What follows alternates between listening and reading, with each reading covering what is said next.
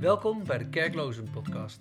Een plek voor verhalen over de kerk, kerkloos zijn, over zoeken en vinden. Ik ben Mark. Ik ben Elsa, fijn dat je luistert.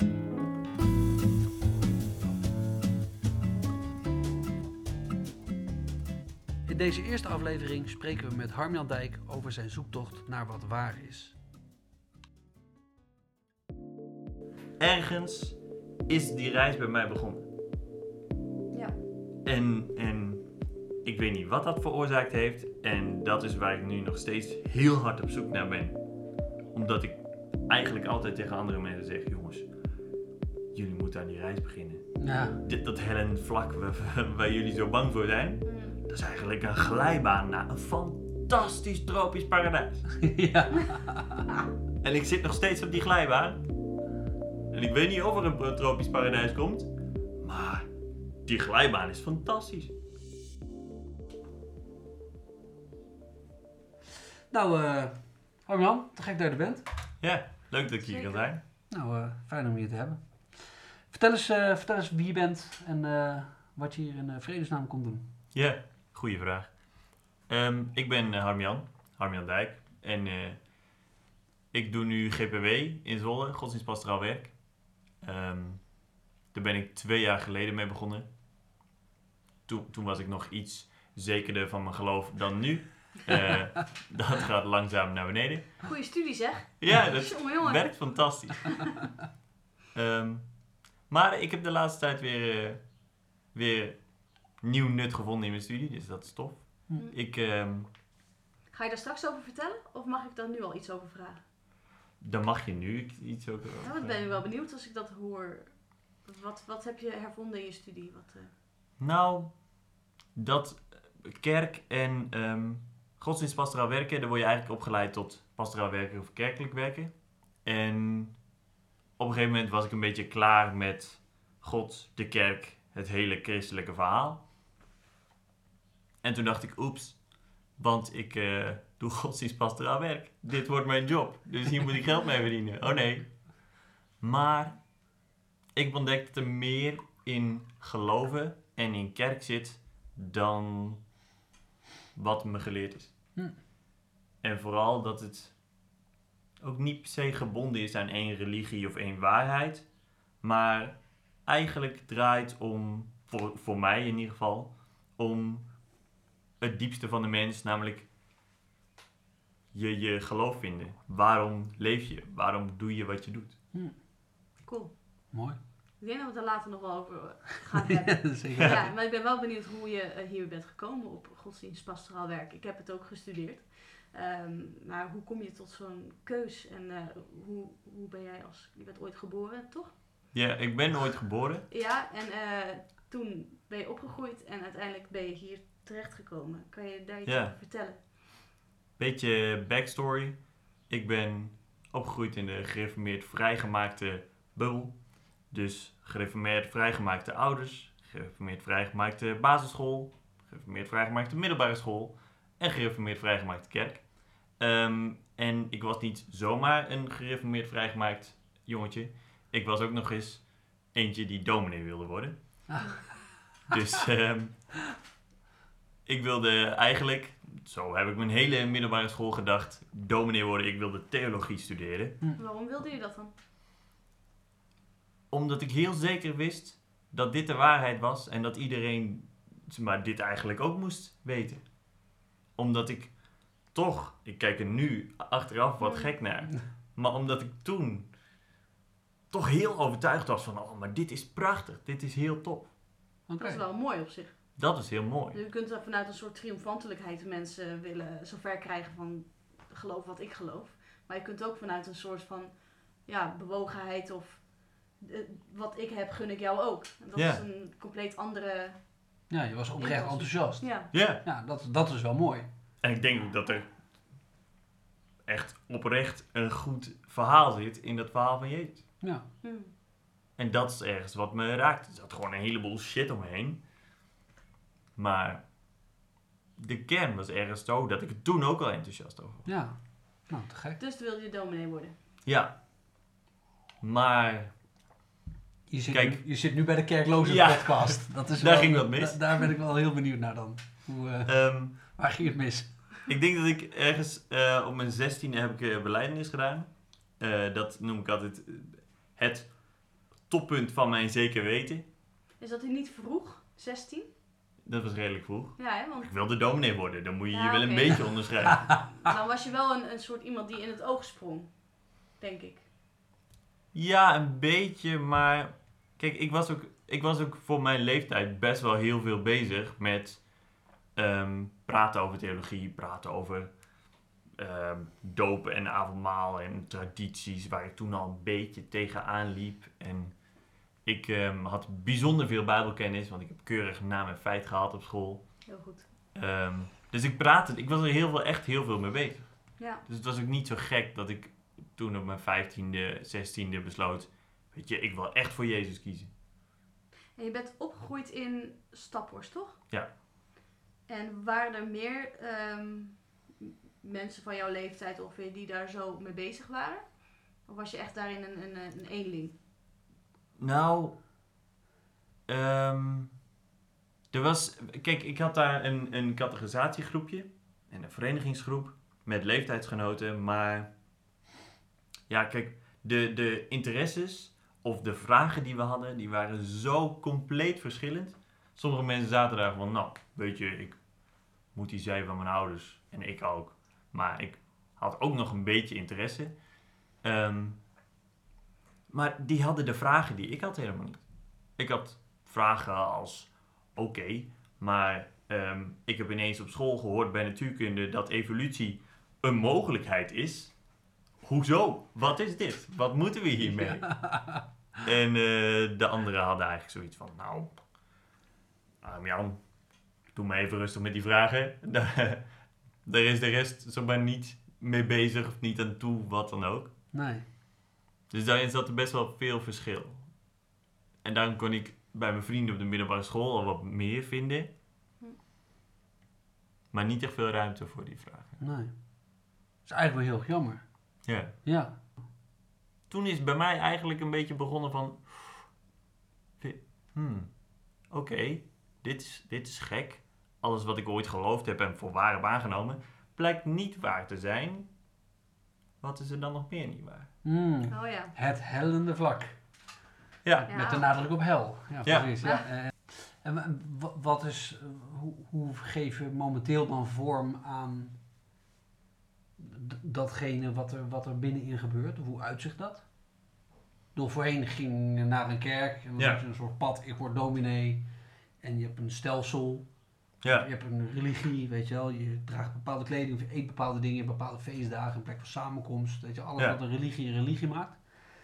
Ehm, hoe, hoe, hoe sta je daar nu in? Eh, ga, ga je nog naar een kerk? Heb je, ehm, nee. Heb je mensen die je ontmoet op vaste tijden? Waar, waar, waar, sta, waar, waar, waar sta je in, in dit hele verhaal, zeg maar? Ja, ik ga denk ik al... Kijk, op een gegeven moment kwam natuurlijk het moment dat ik ging studeren. Mhm. Ik ging niet meer dominee worden, want ik had geen zin om zes jaar in de boeken te zitten. Toen heb ik eerst een jaartje Pabo en een jaartje Oh. natuurkunde gedaan. Oké. Oh, natuurkunde, wat interessant. Ja, Dan ging je dan maar dat doen. dat was super interessant, maar eigenlijk zat eronder nog steeds dat ik iets wilde met dat, met dat verhaal van Jezus, iets met, met theologie. Want in al die tijd dat ik die andere studies heb gedaan, ben ik daar volop in mijn vrije tijd mee bezig geweest met alfa-cursus doen en geven. Ehm, met, met evangelisatiedingen op campings en zo. En op een gegeven moment dacht ik, "Mm, misschien moet ik toch maar wat daarmee doen. Hoe oud was je toen, toen je dat deed? Toen ik GPW begon te... Nou ja, GPW, evangelisatie, dingen op campings. Klinkt dan Oh, vrij, dat was- vrij hardcore, zeg maar. Dat was tussen... Nou, zie je het, het- dat stopte ongeveer een jaar geleden. De evangelisatie op camping doe ik nog steeds. Ehm, op een andere manier. Maar ehm, Jongens, doe het niet, doe het niet. Maar ehm, ik denk dat dat tussen, tussen 16 en ehm 20, 21 was. Oké. Dat ik toen lekker alpha cursus heb gegeven van jongens, dit is de waarheid. Zo zit de werkelijkheid in elkaar. Ehm, maar het leuke was, oh ja, en dan kom ik bij hoe ik dat nu doe. Het leuke was, in die Alpha-cursus, ehm, ik heb dat vier keer gegeven.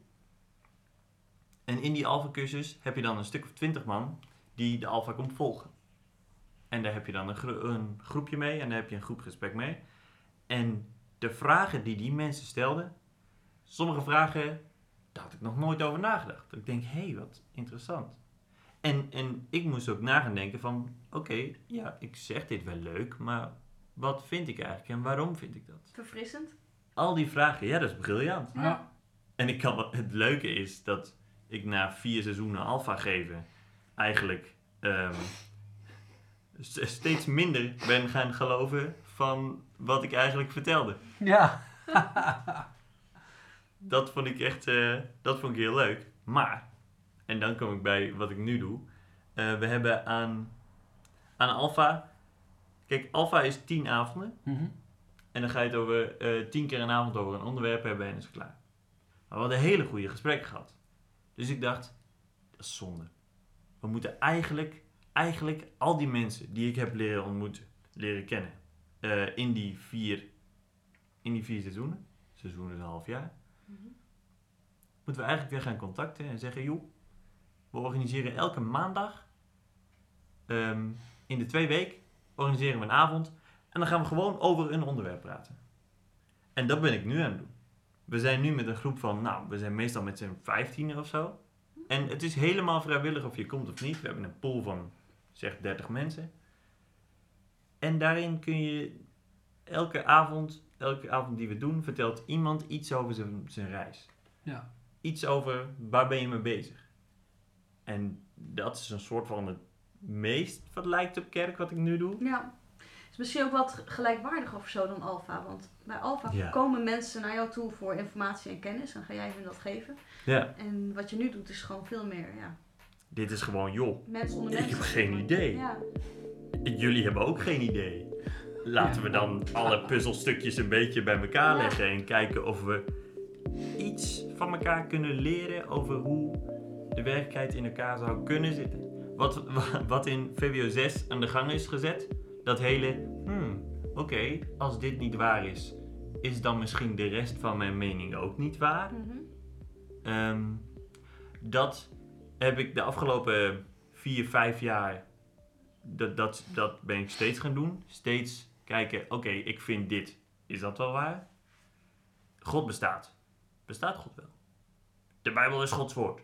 Is de Bijbel wel Gods woord? Mm, oh ja. Hmm. Steeds die stap. En dat is nu zo in mijn systeem gaan zitten. Dat, dat, dat ik eigenlijk, tuurlijk zal ik het nog wel eens doen. Maar dat ik eigenlijk niet meer kan zeggen: Oké, wat ik vind, dit, dit moet wel waar zijn. Ja. Dus ik heb een idee, maar is het eigenlijk wel een goed idee? Dat- Waarschijnlijk is het geen goed idee. ik ga er eigenlijk al bij voorbaat vanuit dat wat ik bedenk, dat over een maand zal het vast wel weer anders zijn. ja. En maakt dat je onrustig of niet? Nee, helemaal niet. Fijn.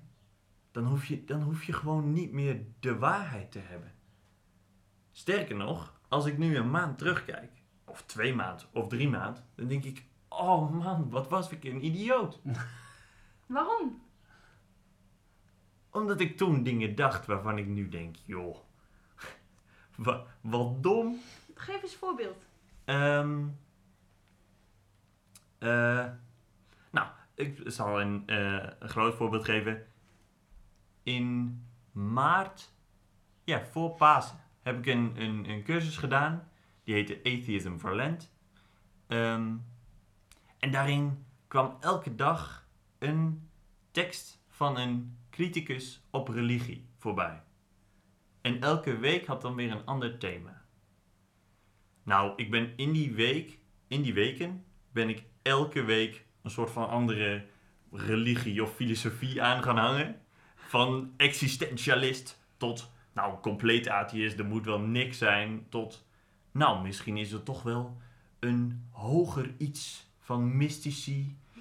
Wat ik ook las, ik dacht, nee, dit is de waarheid. Dus, en, en als ik dan nu terugkijk, dan denk ik, hoezo atheïst? Hoezo geloofde ik niet in God? Dat is, dat is, tuurlijk is er wel iets van een God. Maar het is zoveel anders dan we zelf denken. Maar kijk je dan niet heel erg statisch naar jezelf? Van ik vond dit toen en nu vind ik dit. En dit was stom en nu ben ik hier. Kunnen die dingen niet met elkaar in eh, verbinding hebben of zo? Of is het een Nee, het is meer een eh, eh, eh, humoristisch noemen van het was stom. Tuurlijk, het was heel logisch dat ik dat toen Ah, Gewoon een beetje zorgen te maken. Ik denk, je hoeft jezelf natuurlijk geen idioot te noemen. Hè? Nee, nee, nee. Dat doen wij wel voor. Ja. Nee, ja, precies. Ja, laat, laat die Nee. conclusie maar aan ons over. Nee, Nee, het is Maar- heel logisch dat ik dat toen ja, het is ook wel weer dapper namelijk. Dat, Dapper. Je, dat je dat experiment aan bent gegaan. toch? Ja, Dat jij eh, dat hebt geprobeerd. En dat je daar, eh, daar ga ik even vanuit, eh, oprecht voor open hebt gestaan. ik weet niet of het dapper was. Oh. Want dapper geeft iets aan dat ik op een gegeven moment de moed heb gehad om die, dat avontuur aan te gaan. Maar ik, ik weet nog steeds niet wat het is. En ehm, ehm, ja, toeval, leiding, noem het iets. Maar er, ergens is die reis bij mij begonnen. Ja. En, en ik weet niet wat dat veroorzaakt heeft. En dat is waar ik nu nog steeds heel hard op zoek naar ben. Omdat ik eigenlijk altijd tegen andere mensen zeg: jongens, jullie moeten aan die reis beginnen. Ja. Dit, dat hellend vlak waar, waar jullie zo bang voor zijn, Hmm. dat is eigenlijk een glijbaan naar een fantastisch tropisch paradijs. ja. En ik zit nog steeds op die glijbaan. En ik weet niet of er een tropisch paradijs komt. Maar die glijbaan is fantastisch. Enjoy, Gewoon het, het, enjoy the ride. ja, Dus ja. het bezig zijn met... Nou, ik weet het niet. Maar ik ga in ieder geval iets ontdekken. Dat, is, dat, dat is wel gebaseerd op een soort basisvertrouwen in iets of iemand. Dat jij dat gevoel hebt. Ik zit op een glijbaan en ik ga iets moois ontdekken. Ja, ik weet, ja, het is meer een ervaring, denk ik. Elke keer dat ik... Door de jaren heen... Elke keer dat ik dacht... Oh, maar als dit niet waar is... Als God niet bestaat... Wat moet ik dan nog? En dan kwam er altijd wel weer een... Ja, noem het een, een meer open idee Ja. van God. Een meer liefdevol, meer vrij... Ja, Het, dus er was altijd iets moois. ja, God wordt er eigenlijk groter van. Ja. Ja. En, en elke keer dat ik denk, ja maar, God is eigenlijk helemaal niet zo groot, God bestaat eigenlijk niet. Dan hoef ik eigenlijk alleen maar even een maandje te wachten. en dan is hij weer groter dan voorheen. ja, prachtig. Het is bizar. Ja. Wat is interessant. Dan heb je dus blijkbaar meer ehm, vertrouwen in, in de reis. Of nou ja, de methode om ehm, waarheid te vinden. De Mensen kunnen, die dit luisteren kunnen dat niet zien, maar ik beweeg even mijn vingers. Waarheid Ja. te vinden. eh, dan je overtuiging. Ja. Jij, jij hecht niet zoveel waarde blijkbaar aan het vasthouden van je overtuiging van dat moment. Maar tenminste als ik je zo hoor, lijkt het veel belangrijker te vinden om onderweg te zijn in het vertrouwen dat de stap die erna komt eigenlijk altijd wel beter moet zijn. Ja. Eh, want anders zou je niet op die plek uit zijn gekomen. Nee. En dat is ergens, bedenk ik nu, ergens is dat heel logisch.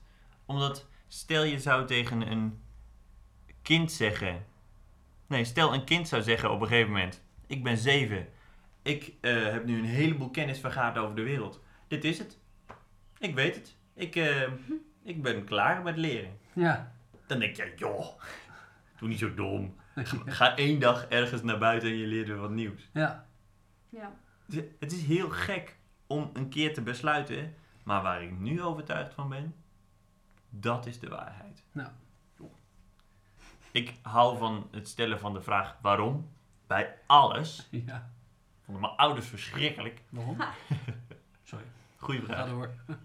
Maar als je de vraag waarom ehm, wat te vaak stelt bij de Bijbel en bij die uitleg van de Bijbel, dan kom je gewoon heel snel bij dingen die niet kloppen. Mhm. Dus Kun je een toen las ik een voorbeeld. Ja? Nou, je bijvoorbeeld- onderbreken hoor. Maar, Bijvoorbeeld, op een gegeven moment, ehm, dat vond ik altijd leuk om, om vroeger dominees en godsdienstleraren mee om de oren te slaan. Je hebt op een gegeven moment David, die doet een volkstelling bij Israël.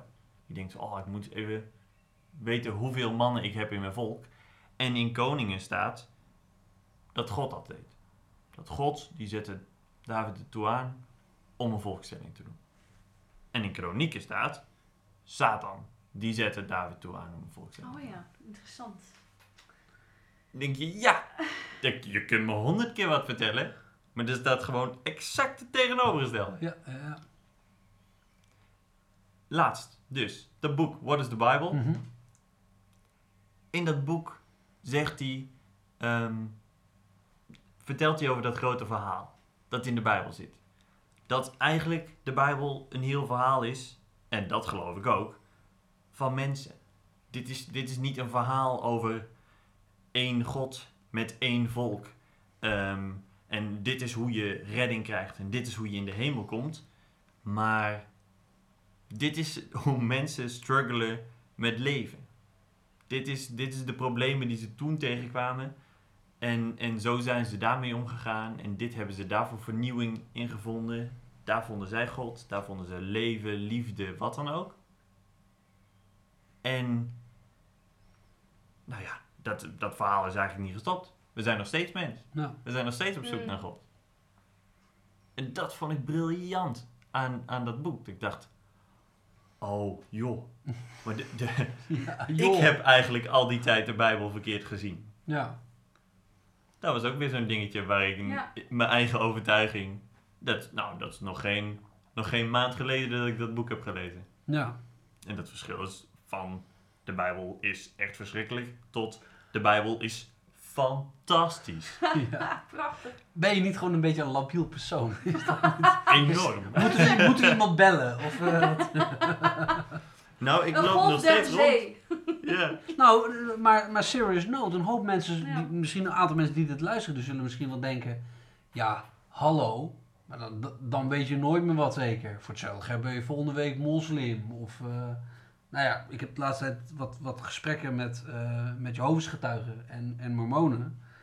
En eh, mijn ouders, die dit misschien ook wel eens horen, die, eh, hoi, die, eh, die hebben af en toe zoiets pas daar nou mee op, want straks ben je er ook eentje.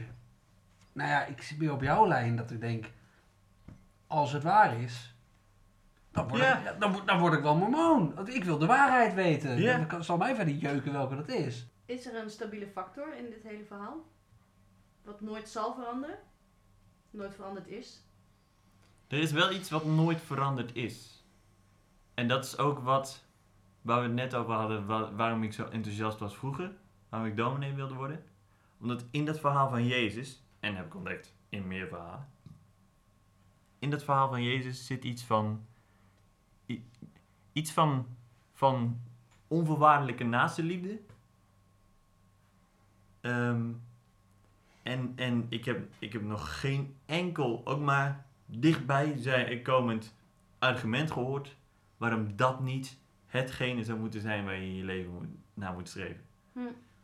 Naaste liefde is, nou ik zie de laatste tijd ju- juist steeds meer ook TED Talks en wetenschappelijke onderzoeken die zeggen nee, je moet voor de ander gaan. Altruïsme is uiteindelijk je weg tot geluk, tot God, doe- noem het iets. Gezondheid. Maar daar zit Ja. iets in wat zo fantastisch en diep, goddelijk, menselijk, noem het iets, is. Ja. Ja. Wat zo waardevol is, nou, daar, daar moet ik iets mee. Eigenlijk, en dat misschien is dat een, een dingetje van mezelf wat niet klopt, maar eigenlijk zie ik het alsof de mensheid steeds meer liefdevol, vrij, gelijk, ehm, al die waarden eh, steeds meer die kant op gaat, steeds liefdevoller wordt.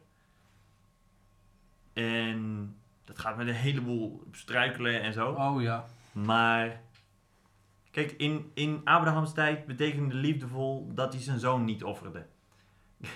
kijk, en wij denken dan nu, ja, dat kan ik ook wel. Mijn Ja. zoon niet offeren. Ja, dat doe ik iedere dag. Ja. maar in onze tijd, er is nooit een genoeg aan liefde wat je kunt doen. Dat, dat, dat is niet een ding. Er is altijd meer. Je kunt Ja. altijd liefdevoller, genadiger zijn. Ja. Mooi.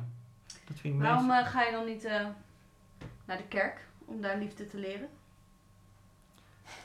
Goeie vraag. Want dat heb ik laatst vaak gehoord hè, van mensen als Anton de Wit, Stefan Paas, op Lazarus. Eh, ga naar de kerk, want dan kun je liefde oefenen. Als liefde zo, en liefde en naast liefde zo belangrijk voor je is, waarom eh, ben je er dan mee gestopt? Dat is een goede vraag. Want ergens zit dat, ergens zou dat ook kunnen. Omdat ik denk dat bij wat voor mensen je ook bent, je altijd liefde kunt leren. Zeker als dat mensen zijn die je een beetje irriteren en die heel erg het bloed onder je nagels vandaan halen. Dus dat is de plek waar je geduld en liefde kunt leren. Maar ik, ik botste veel. ehm, eh, er ontstond veel meer frictie en botsing en negativiteit bij mij in de kerk dan dat er mooie dingen gebeurden. Ja. En ik kreeg niet voor mijn eigen gevoel, de, zal de kerk, de kerk als instituut heeft daar natuurlijk niks eh, voor gedaan. Ehm, maar voor mijn eigen gevoel had ik niet ehm, de ruimte om de vragen te stellen of het, het avontuur in te gaan of het onderzoek te doen wat ik nodig had om hier te komen of zo. Kun jij iets eh, vertellen over die frictie en botsing en misschien zelfs een moment aanwijzen waarin je dacht, dit is, dit, dit is de druppel nu, dit is het, nu ga ik weg. Want dit levert, dit levert meer lelijkheid op dan mooiheid. Er was niet echt één druppel, denk ik. Meer dat over de jaren heen bouwde de frustratie bij mij steeds meer op. Hm. Omdat ik werd gedwongen in een bepaalde overtuiging Door wie? door mijn omgeving. Ik voelde dat ik werd gedwongen door mijn omgeving. Omdat als ik wat anders vond, dan was dat minder goed of negatief. Hm. Dan was het, oh, dat moet je eigenlijk niet vinden, want dat is gevaarlijk. En oh, als je dat vindt, dan moet je maar niet zeggen, want misschien dat- gaan er andere mensen. eh, Was dat vooral thuis of was dat in, op zo'n jeugdvereniging of eh categorisatie of overal? Dat was op alle plekken waar ik met dat gereformeerde bubbeltje in aanraking Mm. kwam. Oké, Oké. Tot bij de studentenvereniging toe. oké. Waarbij studentenvereniging ehm, was ook christelijk en was super veel meer open, maar nog steeds ging uit van die, van die basis die je moet vinden Hm. en dan ben je christen. Want anders dan, oeh, dan is het eigenlijk gevaarlijk. En Ja, als je niet in God gelooft, als je niet in de Bijbel gelooft op, op onze manier, als je niet in de hemel gelooft, nou, dan ben je ook een bedreiging voor anderen. ja. Ja. En was het dan ook zo dat, dat, dat de, de vrijheid die je dan bijvoorbeeld bij zo'n student, bij zo'n studentenvereniging er, ervoer, ervoer? Ja. ervoer ehm, was het dan misschien ook zo dat dat meer in de vorm zat, maar dat het in de basis nog steeds zo benauwend was? Want dat is iets wat, wat, wat we vaak horen over kerken, dat mensen naar een, een zeg maar hippere kerk gaan met een toffere band en een hippere dominee en leukere koffie of zo. Nou, verzin het maar. ja. Maar daar vaak na een tijdje op afknappen, omdat ze eigenlijk ontdekken dat het gewoon van kop tot kont nog steeds hetzelfde benauwde verhaal is, maar dan net met een nieuw sausje. Is dat ook jouw ervaring dan bijvoorbeeld bij zo'n studentenvereniging? Ja, vooral dat. Ja, het is, het is nog steeds gebaseerd op diezelfde basis van Ja. dit is waar. Hm. Uiteindelijk kun je, kun je de hele wereld verzetten, maar nog steeds is de Bijbel Gods woord, God een wezen in het universum wat allemaal dingen doet. Jezus zijn zoon ehm, en die is gestorven voor onze zonde, zodat wij een plekje krijgen in de hemel. Ja, D- er zijn, dat, dat zijn de dingen die, als je die niet vindt, en, en dat, is- dat, dat is niet een, een verwijt naar de hele gereformeerde christelijke bubbel, of naar verenigingen of naar kerken, maar als je dat niet vindt, hoor je er niet bij. Ja. Ik wil niet geloven dat er verschil zit tussen mensen ehm, wat betreft redding of niet, Mhm. of hoeveel ze lief kunnen hebben. ja. Of, of ze erbij horen of niet. We zijn allemaal mens. Maar dan is de kerk in huidige vorm heel erg gebaseerd op in-group, out-group. Dat Ja. concept. Het is, het is, ja, het is, ik zie het nu meer als, kijk, dit is onze traditie en daar staan wij in. Eh, en dat hebben de Joden en dat hebben de moslims en dat hebben de christenen en dat hebben, iedereen heeft een traditie. Want het heeft ook iets heel goeds. Want je hoort wel bij een groep. Hm. Het heeft een positief effect. Oh. Noem jij jezelf nog christen? Ja. Je ziet er ook zo uit trouwens. Ja, eh, ik voor heb de mensen die zien een mooi houten kruis om je nek, het EO-kruisje, klopt dat? Mooi. Ruw Theo houten- Kruis. Ja. Ja. Ik noem mezelf nog christen, want ehm, ik ben nog steeds volger van Jezus. Ja. Ik vind nog steeds dat Jezus een fenomenaal verhaal heeft. Waarbij ik denk, ja, ik, ik wil zo leven. Oh, mooi. ja. Daarin zit, daarin zit iets. Dat, dat is fantastisch. Denk je dat je dat over drie maanden helemaal kwijt zou kunnen zijn? Nee. Dat is wel interessant. Ja. Omdat je dat namelijk met, met vrij basale aannames van het leven eh, eh, zegt. Ja. Maar, maar daar zit dus blijkbaar een soort, ja, on- ja onaantastbaar is een groot woord, maar eh, laat ik het zo noemen, een onaantastbare kern, Ja. zeg maar. You're hooked. Ja. Ja. Nou, er zit iets in. Ik heb mijn reis heel vaak beschreven als ehm, eh, mijn geloof, mijn, mijn, mijn bol van zekerheden. Hm. We moeten een ui. Een ui van zekerheden die ik steeds verder afgepeld heb. En steeds verder. Oh. Oh, wat een prachtige metafoor. Heb je veel gehuild? Nee. Ben je niet van het huilen? Nee, ik ben niet zo'n... eh, Ah, jammer, dan hebben we van het huilen. tissue moment tijdens de podcast. Oh. Kunnen, we dat, ja. kunnen we vergeten. Maar langzaam dat, dat je die ui afpelt. En, en ik, ik was gewoon op zoek naar wat, wanneer kan ik het niet meer afbreken? Ja. Wanneer kan ik niet meer iets eraf halen? En, en voor mij zit hem dan ergens in naaste liefde. Misschien Ja. vind ik dat ooit nog. Ik hou de optie open. Misschien is er ooit nog een moment dat ik denk... Nee, naaste liefde slaat nergens op. Je moet gewoon voor jezelf gaan. Wat dan ook. Hm. Maar dat is... dit- Die achterkant is niet groot. Nee. Nee. Nee. Omdat ik steeds meer mensen vind die, die dat uiteindelijk als, als kern hebben. Hm. Altruïsme. Ga, voor, ga, ga leven voor de ander. Hm. En dan krijg je zelf een vervuld en gelukkig leven. Ja. Mooi. Is dat echt, wacht even, dat hoor ik nu zeggen, heel erg een eh, oorzaak-gevolg. Terwijl Jezus was inderdaad ook iemand die heel voor de ander leefde. Ja. Maar wel vanuit een soort relatie met vader. Een soort vervuldheid in zichzelf. Waar vandaan hij voor de ander kon leven. En ik hoor jou nu zeggen, ga voor de ander leven en dan raak je vervuld. Het is meer een op hetzelfde moment, denk ik. Ja. Omdat we willen als mens, geloof ik, betekenisvol zijn in het leven. Ja. Je, wil, je wil iets van waarde vinden, je wil ehm, een doel hebben, wat dan ook. En volgens mij betekent betekenis ehm, letterlijk dat je dat wat er mist als jij uit een omgeving weg wordt gehaald. Dat is wat jij eraan toegevoegd hebt. Ja. Dat is jouw bijdrage, jouw waarde in die omgeving. Hm. Dat is niet iets in jezelf. Je, volgens mij kan een mens in zijn eentje op een kaal stuk ehm, eh, land, Almere bijvoorbeeld. daar heb, je, daar heb je geen waarde Nee. in Almere. Ja, ik Ja, vind maar dan ga je wel- heel erg uit van dat alleen mensen in, in het verhaal van betekenis zijn eh, een rol spelen. In ieder geval eh, mensen. Ja, precies. Je kunt op een kaal stuk land in relatie tot de aarde nog... eh, Kijk, maar dan ga je weer wat toevoegen aan, aan de aarde of aan dieren of aan wat dan ook. Maar er zit iets in betekenis vinden van ik wil iets positiefs toevoegen aan mijn omgeving. Het is altijd relationeel. Ja. Dus, ja. Ja.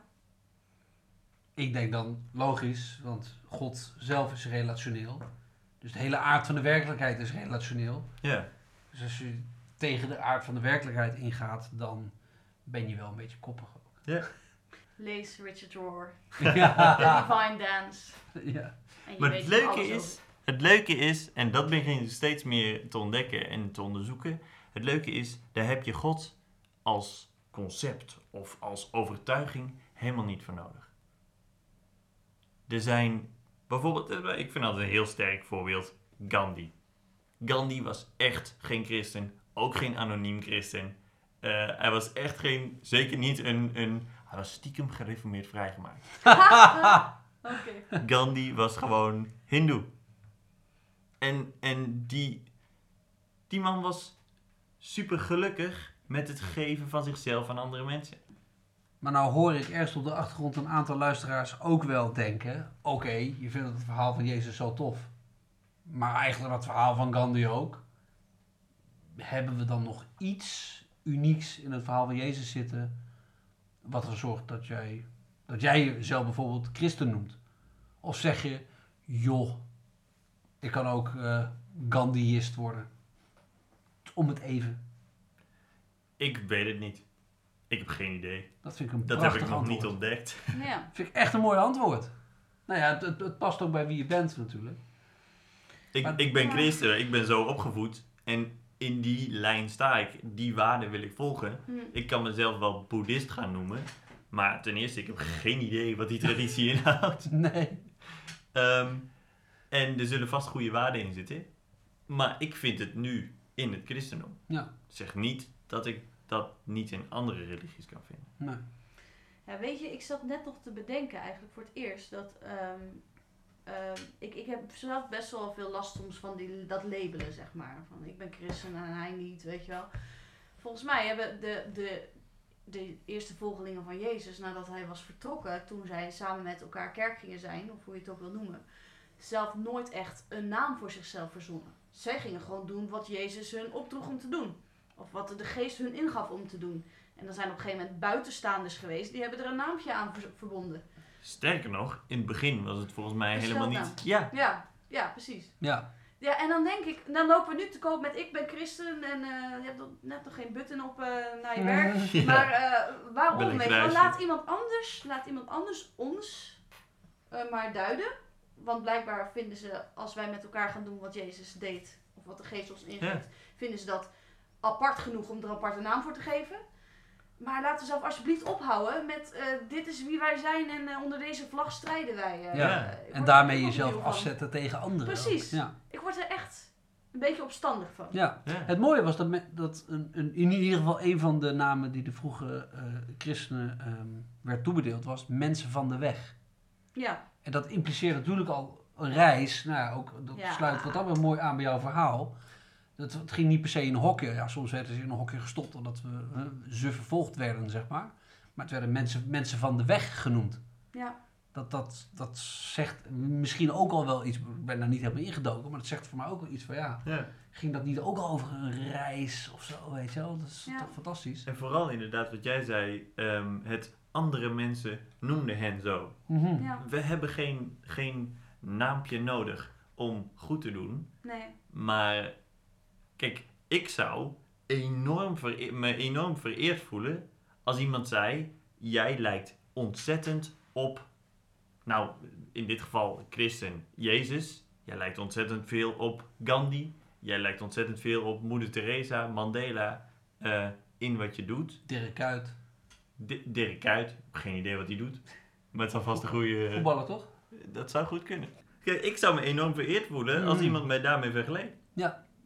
En dat is uiteindelijk wat ik denk, ja, weet je, ik kan mezelf wel zo gaan noemen, maar dat is enorm arrogant.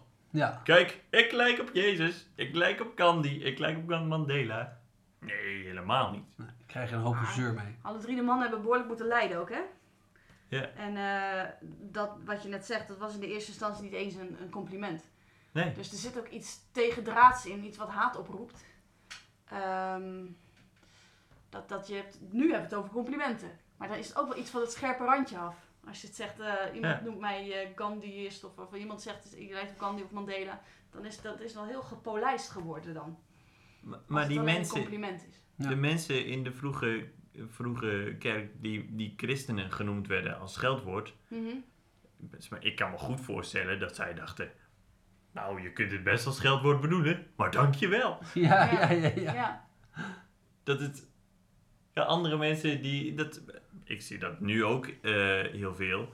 Dat als, als je iets goeds wil doen, staan er altijd wel mensen in de weg die denken: ho ho, maar Mhm. nu ga je iets van mijn ruimte en mijn, eh, mijn, mijn spullen en mijn geld pakken en dat ga je dan aan iemand anders geven. Of je gaat in ieder geval mij tegenwerken in mijn weg naar geluk. Ja. En mensen gaan gewoon tegenstribbelen. Die gaan gewoon zeggen van, joh, dat moet je niet doen. Ja. Je, je, je lijkt op die mensen die ook al hun geld weggeven. En dat is niet een goed, eh, goed teken. Hm. En ik denk dan, al hun geld weggeven? Ah, wat fantastisch. Ja, Daar wil ik inderdaad op ja, blijven. precies. Ja. Ja. Mooi. Zie jij nog toekomst voor de kerk? Zeker. Hoe dan? Hoe dan? Hoe dan? Ehm, ik denk dat de kerk.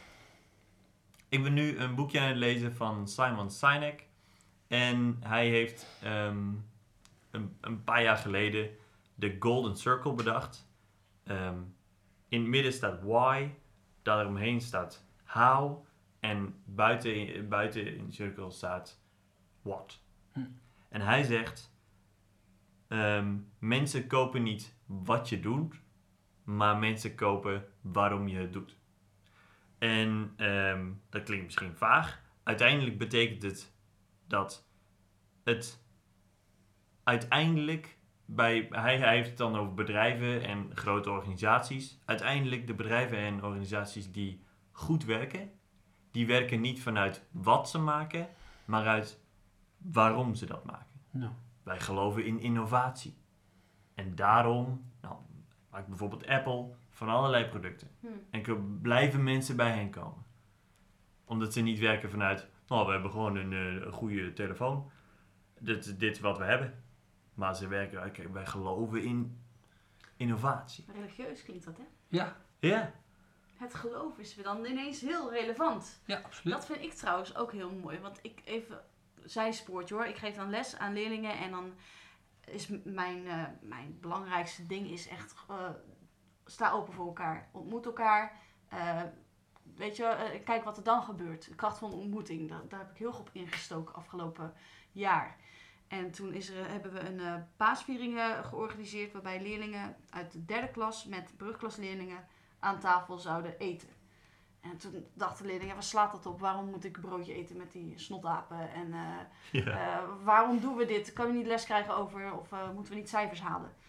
Terwijl ik zeg, jongens, als je nou gelooft in wat de kracht van ontmoeting kan zijn, dan ga je het ook zien gebeuren. Dus ineens krijgt geloof, wat, wat normaal en heel erg, een, ja, ik geloof wel en jij gelooft niet, krijgt een soort functie weer. ja. Van het moment dat je gelooft, dan ontstaat er daadwerkelijk ruimte voor iets nieuws. Dat is de kracht van geloof. ja. Dus dat, daar moest ik even aan denken bij die why. ja. Het is heel, een heel inclusieve vorm van praten over geloof.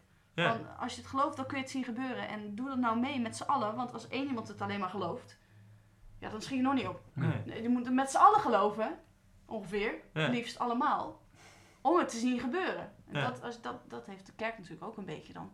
Niet, dat, ik ben nu dan kerkloos, maar ik zit nu in mijn eentje te geloven. Terwijl eigenlijk als je het met z'n allen gelooft, dan gaat er echt iets gebeuren. ja. Ja. Met meer mensen sta je sterker. Ja, ook dat. En, en überhaupt gewoon eh, eh, ben, ben ik nu misschien een soort gekkie. Maar als een hele grote groep mensen eh, datzelfde gaat doen, dan, dan gaan Ja. er mensen opkijken van, huh, wat gebeurt hier? Weet je wel? Ja. Tegelijk begin ik als een grote groep mensen vindt wat ik vind. Ehm, dat is denk ik iets wat, wat meegekomen is de afgelopen jaar. Maar dan begin ik meteen weer te twijfelen Ja. aan of ik wel eh, op de goede weg zit. Want Ja. dan kun je weer heel makkelijk in je eigen... Ah, nou, heel veel mensen vinden dit, dus dat zal wel de waarheid zijn. Ja. ja, dat is waar. Nope. Hebt, ja. Maar goed, jij was over die why. Ja, die why van Simon Sinek, want daarin zit denk ik, en daar wil ik nu mee bezig met mijn studie en met volgend jaar stage, met, met die why van Simon Sinek, want wat voor hem voor bedrijven werkt, start with why, dus begin met, met waarom je wilt doen wat je doet, werkt volgens mij net zo met, met mensen.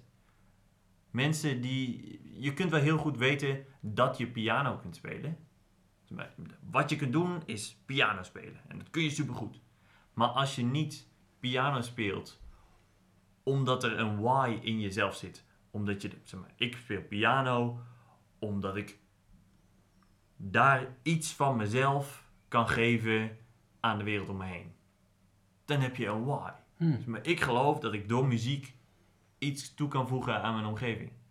Dan maakt het niet meer uit wat je speelt. Dan kun je altijd weer nieuwe liederen, nieuwe eh, dingen componeren, waardoor je weer.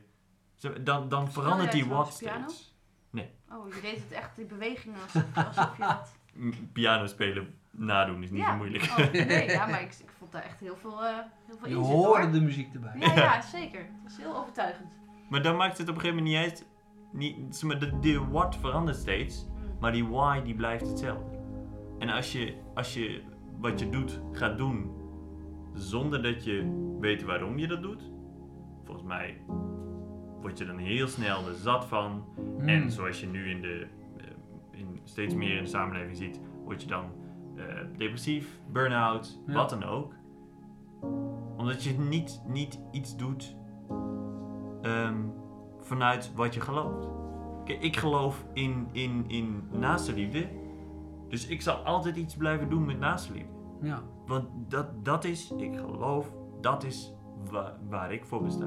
ja. En de wat is dan redelijk een soort invuloefening haast. En dat kan heel erg verschillen. Dan kan het ergens een muurtje vuur, ehm, verven voor de buurman zijn. Ja. Of dan kan het spreken voor een gigantische zaal zijn Mhm. over eh, iets dat ik heb ontdekt. Dat maakt niet uit. Ik doe iets vanuit mijn why. Maar is, dat, is dan de kern, is- begrijp ik je goed als je zegt dat de kerk, de kerk ehm, at large natuurlijk, ehm, zijn why mist en dan misschien daardoor dus ook te veel vasthoudt aan de what's? Dat zou Dus al, als, je, als je een why mist, zeg maar, van Ja. waarom, dan wordt het heel belangrijk dat die what's in stand blijven. Dat je Ja. die why's in stand, eh, de what's in stand houdt. Als bijvoorbeeld, denk aan seksualiteit, zeg maar. Als seksualiteit vooral iets is dat niet mag, nou, eh, dat is een typische what volgens mij. Seks mag niet, ja, tenzij je getrouwd bent, weet je wel. Dan moet je wel niet te leuk vinden, maar vooruit. Ja. Ehm, terwijl als de why is, eh, weet je, seksualiteit is ontzettend eh, kostbaar, dierbaar, ehm, maar ook breekbaar. Kan er volgens daaruit komen, Ja. oké, dat daardoor, daar, daarom mag Febe, als ze straks bijvoorbeeld 16 is en een vriendje heeft, misschien niet met hem op dezelfde kamer logeren of zo. Dat is dan de what, maar dat komt voort uit die Ja. waarde. Daar, daar komen ook geen ehm, strakke, vaste, rigide regels uit die voor alle situaties hetzelfde zijn. Nee, dat, vanuit een why komen dingen die. Soms is het dan. ehm, eh, soms is het dan goed om niet te stelen. Soms zou het ook goed kunnen zijn om wel te stelen. Ja. Hm. Dat is niet een, een rigide regel. Nee, ja, mooi. Want, want de, het, het, volgens mij, als je dingen gaat doen vanuit, vanuit je why, en dat is ook waarom ik dat verbind met hoe dan wel kerk zijn. Omdat Simon Sinek's ehm, punt is eigenlijk, ga op zoek naar je why. En dan kun je vervulling vinden in je leven. En ik denk dat de plek in de maatschappij waar je bezig gaat met je why, je, je- dat doe je niet bij de psycholoog. Want bij de psycholoog ga je bezig met how. Hoe werk ik weer? Hoe Mm. ga ik weer normaal leven? Hoe krijg ik mezelf weer op de rit? Ja. Ehm, dat doe je ook niet bij een coach. Dat, er, er is niet echt een plek in de samenleving. Behalve de kerk. Of de moskee. Of wat dan ook voor religieuze instelling. Want why gaat niet over psychologische trucjes. Of skills aanleren. Of geschiedenislessen. Of feitjes leren. Maar het gaat over bezig zijn met je geloof. Wat geloof je? Waarom doe je wat je doet? Wat is jouw zin in het leven? Dat is volgens mij wat de kerk weer kan betekenen. Je hebt andere mensen, andere inzichten nodig om verder te komen. Ja. Te gek. Zeker dus. Hoe de Golden Circle de toekomst van de kerk redden. Ja, Volgens Harm Ja. van Dijk. ja, dat zou echt heel tof zijn. Dankjewel. Ja, te gek. Ja, leuk. Ja. Goed verhaal. Zeker. En hiermee is natuurlijk het gesprek nog lang niet afgerond. Nee, was het dan En, maar. eh, en dat is juist eh, mooi. Als ik er zo hoor, kunnen we je over drie maanden gewoon weer uitnodigen. En dan hebben we een compleet ander verhaal. Dus eh, Dikke kans. ik ben heel Ja. benieuwd. Ik ben heel benieuwd. Dan doen we nog eens een keertje dun zo. Dankjewel. Graag gedaan.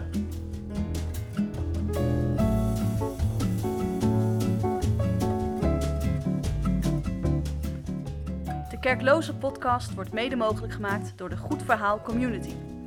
Door hun financiële support kunnen wij tijd en middelen vrijmaken voor het verzamelen van deze verhalen. Wil je ook bijdragen? Kijk dan op www.goedverhaal.community. Dankjewel.